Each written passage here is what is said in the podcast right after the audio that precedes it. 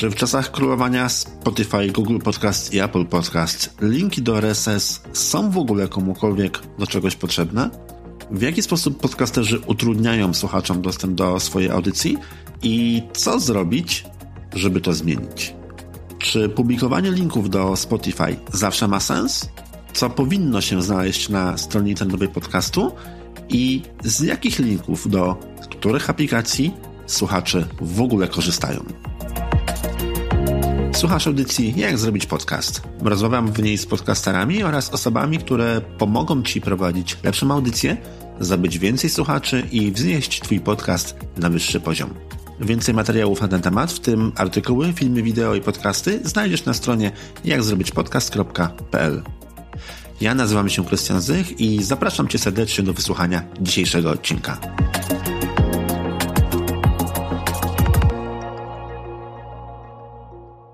Podcasterze, pozwól słuchaczom na słuchanie Twojego podcastu. Tak mówiłem, przyznaję. Pisałem tak w jednym ze swoich artykułów. Artykuł nosił tytuł Trzy serwisy dla podcasterów, z których warto korzystać.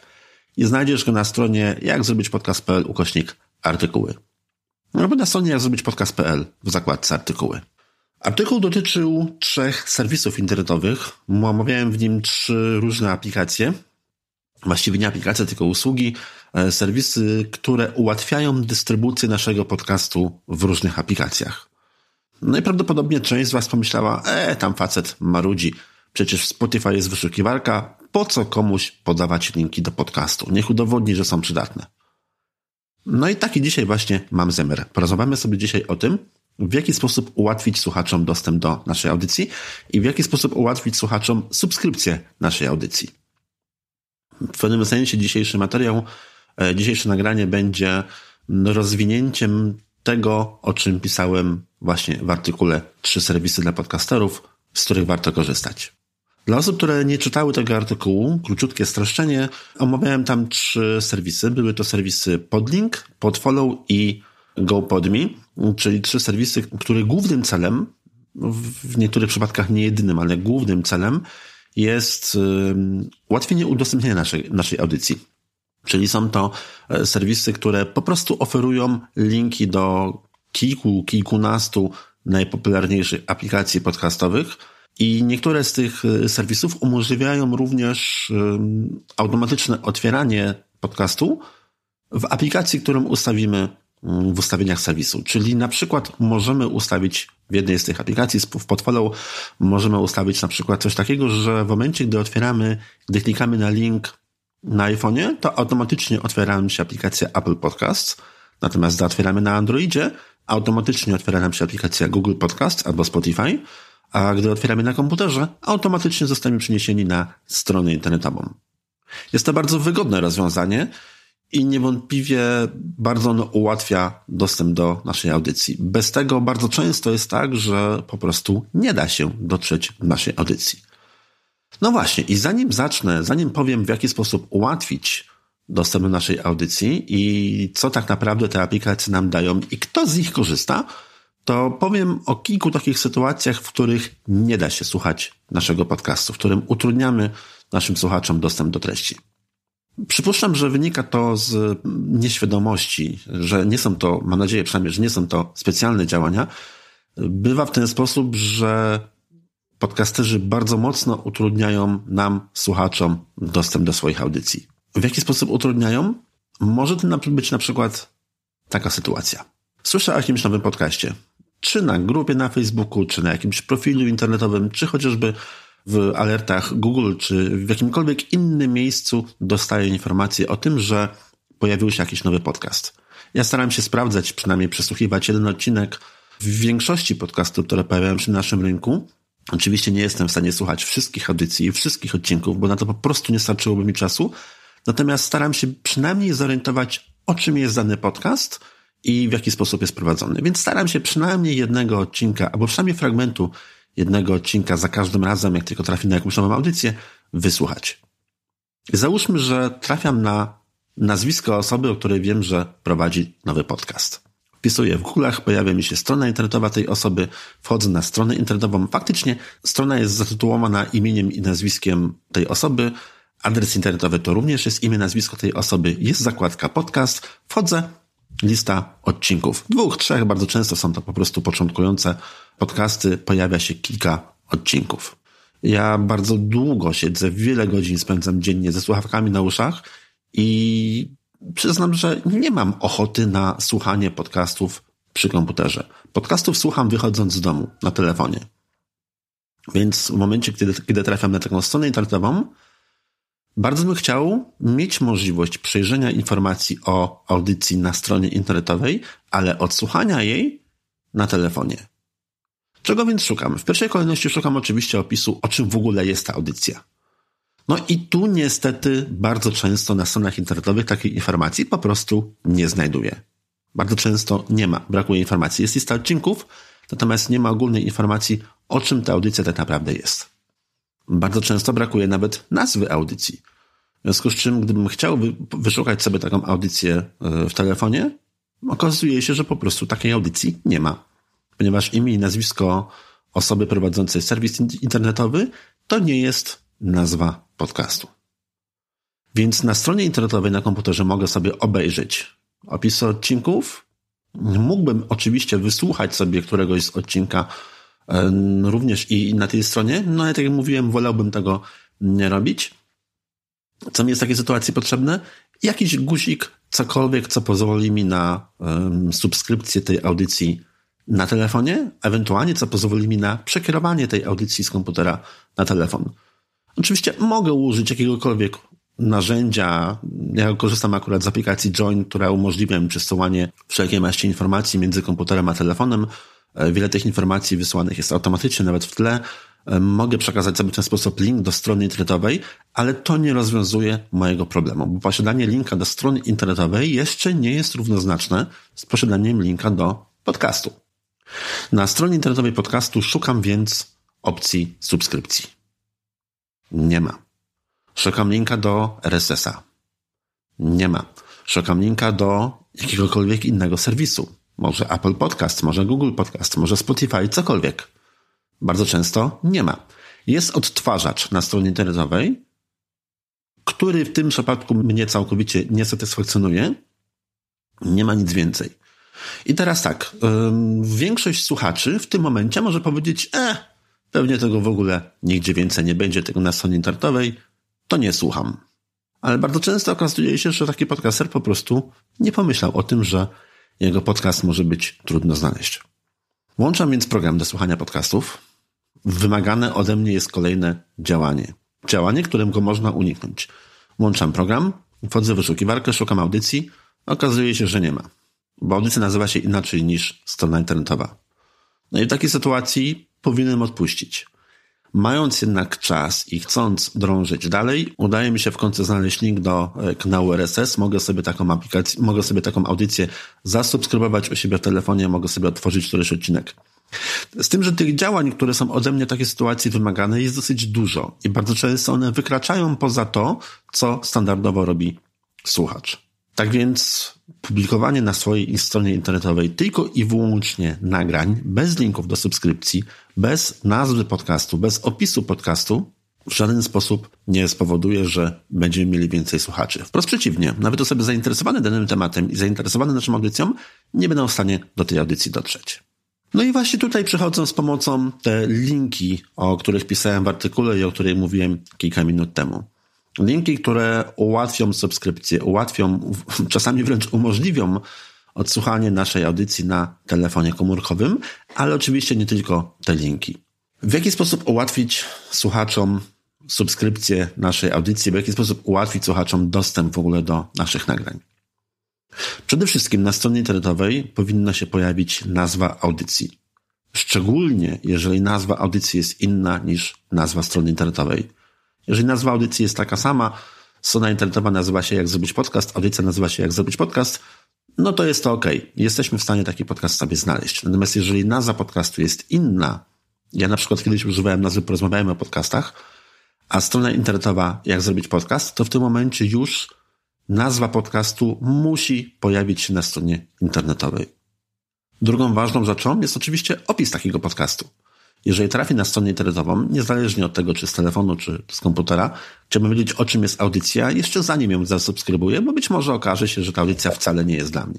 Bardzo często takiego opisu brakuje. Więc drugą ważną informacją, która powinna znaleźć się na stronie internetowej, to jest oczywiście opis podcastu.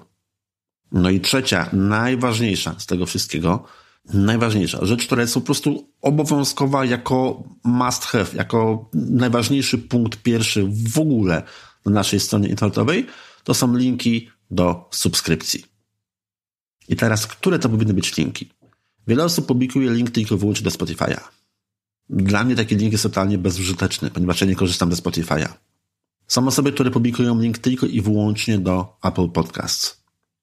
Użytkowników Apple'a w Polsce jest owszem sporo, ale proporcjonalnie do Androida czy też do um, innych aplikacji podcastowych, y, które słuchamy poza Apple Podcasts, no jest stosunkowo niewiele. Więc tak naprawdę nie cała jedna trzecia, czasami jest to kilkanaście procent słuchaczy jest w stanie nasz podcast znaleźć, a link do e, Apple Podcast jest bezużyteczny całkowicie dla pozostałych 70, 80, czasami ponad 80% potencjalnych naszych słuchaczy.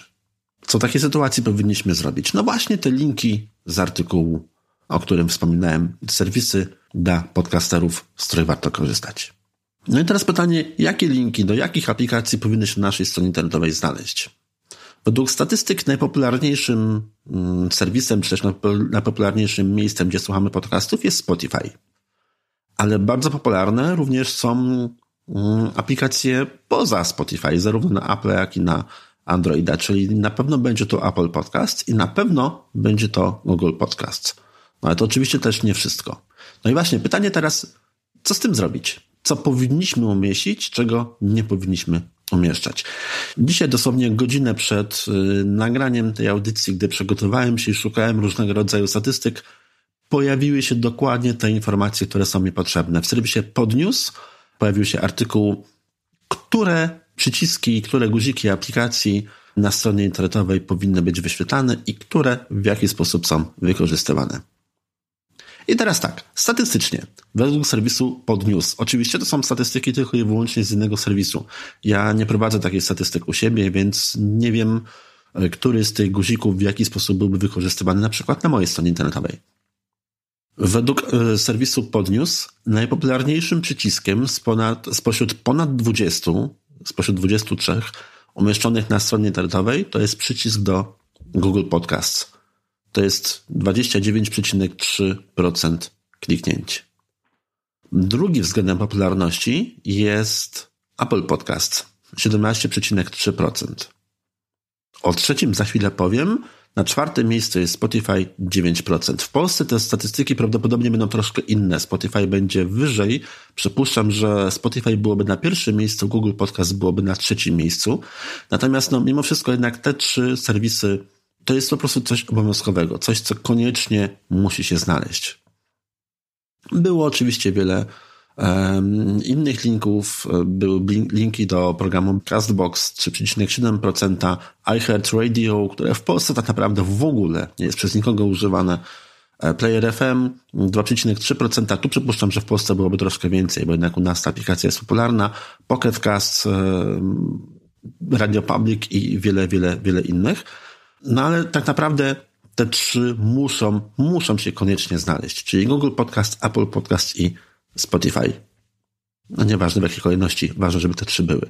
No i czwarty link. Czwarty link, który jest tutaj w tym zestawieniu na trzecim miejscu, 15,1% wszystkich kliknięć, to jest no właśnie, to jest link, którego Nikt nie chce publikować. Link, który ukrywany jest przez większość podcasterów. Nie wiem dlaczego. Zdecydowana większość podcasterów ukrywa link do swojego RSS-a. No ale, drodzy podcasterzy, RSS to jest główny sposób i jedyny tak naprawdę sposób dystrybucji naszego podcastu we wszystkich aplikacjach podcastowych. Apple Podcast korzysta z RSS-a, Google Podcast korzysta z RSS-a, Spotify korzysta z RSS-a. Wszystkie aplikacje podcastowe, wszystkie katalogi, wszystkie miejsca, gdzie jest wasza audycja, korzystają z RSS-a. A tego RSS-a nigdzie nie chcecie ujawnić. Nie wiem dlaczego. W momencie, kiedy ja szukam nowej audycji, RSS jest pierwszym linkiem, którego szukam, ponieważ ja korzystam z aplikacji Pocket Cast. Więc dla mnie link, jak już mówiłem, do Spotify jest bezużyteczny. Dla mnie link do Apple Podcast jest bezużyteczny. Bardzo mało osób publikuje link do aplikacji Google Podcast. Mam tą aplikację na telefonie i ewentualnie mógłbym skorzystać z tej aplikacji, natomiast mało kto tak naprawdę chce na swojej stronie internetowej udostępnić link do Google Podcast. A chyba najrzadziej pojawiającym się linkiem na stronach internetowych jest po prostu link do kanału RSS. Czyli tak naprawdę de facto najważniejszy link, jaki na naszej stronie powinien się znaleźć. Link, z którego korzystają wszystkie programy, wszystkie katalogi, wszystkie tak zwane agregatory treści. One wszystkie korzystają właśnie z naszego RSS-a. Więc wracając do pierwszego pytania, które dzisiaj zadałem, w jaki sposób możemy ułatwić słuchaczom dostęp do naszego podcastu? Na naszej stronie internetowej muszą się przede wszystkim znaleźć takie informacje jak tytuł podcastu, jeżeli jest on inny niż tytuł strony internetowej, opis podcastu i koniecznie najważniejsza rzecz to linki. Link do kanału RSS, link do Spotify, link do Apple Podcasts, link do Google Podcasts i oczywiście, jeżeli chcemy, to tych linków może być więcej. Natomiast tu jest jeszcze jedno ryzyko. Jeżeli mamy tego za dużo, to trudno jest się tym wszystkim zorientować. I czasami trudno jest odnaleźć to, czego szukamy. Więc nie przesadzałbym. Mimo tego, że te linki muszą być, moim zdaniem nie powinno ich być za dużo. Cztery, pięć linków myślę, że w zupełności wystarczą. Ja kiedyś przygotowałem dla e, podcastu Co się czyta, który do e, zeszłego roku prowadziłem, podcastu o książkach dla dzieci. Przygotowałem stronę, gdzie słuchać podcastu. I tam były wszystkie najważniejsze linki. Właśnie linki do Apple Podcasts, linki do e, Google Podcasts, do iHeartRadio, Player FM, Pocket Casts, Radio Public, Stitcher, do wszystkich, wszystkich tych miejsc, gdzie audycje można było znaleźć. Była to bardzo popularna strona, na którą wiele osób wchodziło. Z tym, że jak już wspomniałem wcześniej, ja nie robiłem nigdy statystyk, nigdy nie, nie analizowałem e, tych informacji, jak często który z tych linków był klikalny. Ale do czego dążę? Możemy zrobić w ten sposób, że na stronie z podcastem mamy na przykład cztery najważniejsze linki, czyli Apple Podcasts, Google Podcasts, Spotify i RSS. A oprócz tego możemy zrobić stronę, jak jeszcze można znaleźć nasz podcast, gdzie jeszcze jest on dostępny. Jeżeli korzystamy z wtyczki PowerPress do WordPressa i na niej generujemy nasz RSS i na niej tworzymy nasz podcast, to tam nawet jest taka sugestia, żeby tego typu stronę przygotować, żeby ją taką ustawić. Jeżeli nie, to oczywiście możemy przygotować odrębną stronę i po prostu ją podlinkować pod naszym każdym nagraniem, albo gdzieś na naszej stronie głównej, albo gdzieś na stronie głównej podcastu. Wszystko jedno. W każdym razie te cztery linki, czyli link do trzech najpopularniejszych aplikacji Apple Podcast, Google Podcast i Spotify oraz obowiązkowo link do RSS musi być na każdej stronie podcastu. Jak jeszcze możemy potencjalnym słuchaczom ułatwić dostęp do naszej audycji? W momencie, kiedy udostępniamy link do naszej audycji gdziekolwiek, na przykład na Facebooku, w jakiejś grupie, na jakiejś stronie internetowej, na jakimś profilu gdzieś w mediach społecznościowych, no jednak głównie media społecznościowe służą do wymiany tego typu informacji, warto podawać linki do naszej strony, a nie na przykład do Spotify'a. Więc gdy udostępniasz swój podcast, kieruj swoich słuchaczy do swojej strony internetowej. To ma oczywiście jeszcze kilka innych zalet, Pozwalasz słuchaczom na przesłuchanie innych odcinków, na zapoznanie się z Twoją ofertą, z Twoimi artykułami, z innymi rzeczami, które na stronie internetowej się znajdują. Być może również powodujesz w ten sposób, że taki słuchacz się do Ciebie odezwie. Być może, jeżeli masz jakąś ofertę, jeżeli coś oferujesz, być może z tej oferty skorzysta, być może napisze do Ciebie jakąś wiadomość. I też bardzo ważna rzecz, przyzwyczajamy słuchaczy do tego, że nasze treści są na naszej stronie, i jeżeli kiedykolwiek Facebook stwierdzi, że chce wam zamknąć konto z jakiegoś powodu, a zdarza się to co jakiś czas, no to waszych słuchaczy będziecie mieli cały czas u siebie. No i oprócz tego oczywiście bardzo ważne jest to, że niezależnie od tego, z jakich aplikacji podcastowych wasz potencjalny słuchacz korzysta, na waszej stronie internetowej będzie mógł znaleźć link do tej właściwej aplikacji, a jeżeli nie będzie linku do tej właściwej aplikacji, będzie mógł znaleźć nazwę podcastu do wyszukania sobie samodzielnie w aplikacji, albo link do RSS-a, który będzie mógł kliknąć na telefonie i nie wiem czy w przypadku wszystkich, ale w przypadku znanych mi mm, aplikacji podcastowych, przynajmniej na Androidzie, taki link automatycznie jest otwierany w programie do słuchania podcastów. Podsumowując, umieszczając gdziekolwiek informacje o naszej audycji, warto kierować do siebie na swoją stronę internetową, a nie do serwisów zewnętrznych. Czyli jeżeli chcę udostępnić komuś na przykład dzisiejszy odcinek e, podcastu, jak zrobić podcast, to kieruję go do strony właśnie w serwisie jak zrobić podcast. Nie do Spotify'a, nie do Google'a, nie do Apple'a, nie do Player FM. Kieruję na moją stronę jak zrobić podcast. Jeżeli masz problem ze swoją stroną internetową, nie wiesz w jaki sposób zmodyfikować szablon, nie wiesz w jaki sposób dodać te przyciski, oczywiście możesz się ze mną skontaktować. Na stronie jak zrobić podcast.pl znajdziesz wszystkie informacje kontaktowe. Jeżeli masz jakikolwiek problem z nagraniem, potrzebujesz pomocy przy edycji podcastu, bądź też potrzebujesz pomocy przy uruchomieniu nowej audycji, to również oczywiście możesz się ze mną skontaktować. Zapraszam serdecznie do kontaktu i zapraszam również do wysłuchania kolejnego odcinka, który już za dwa tygodnie. Do usłyszenia.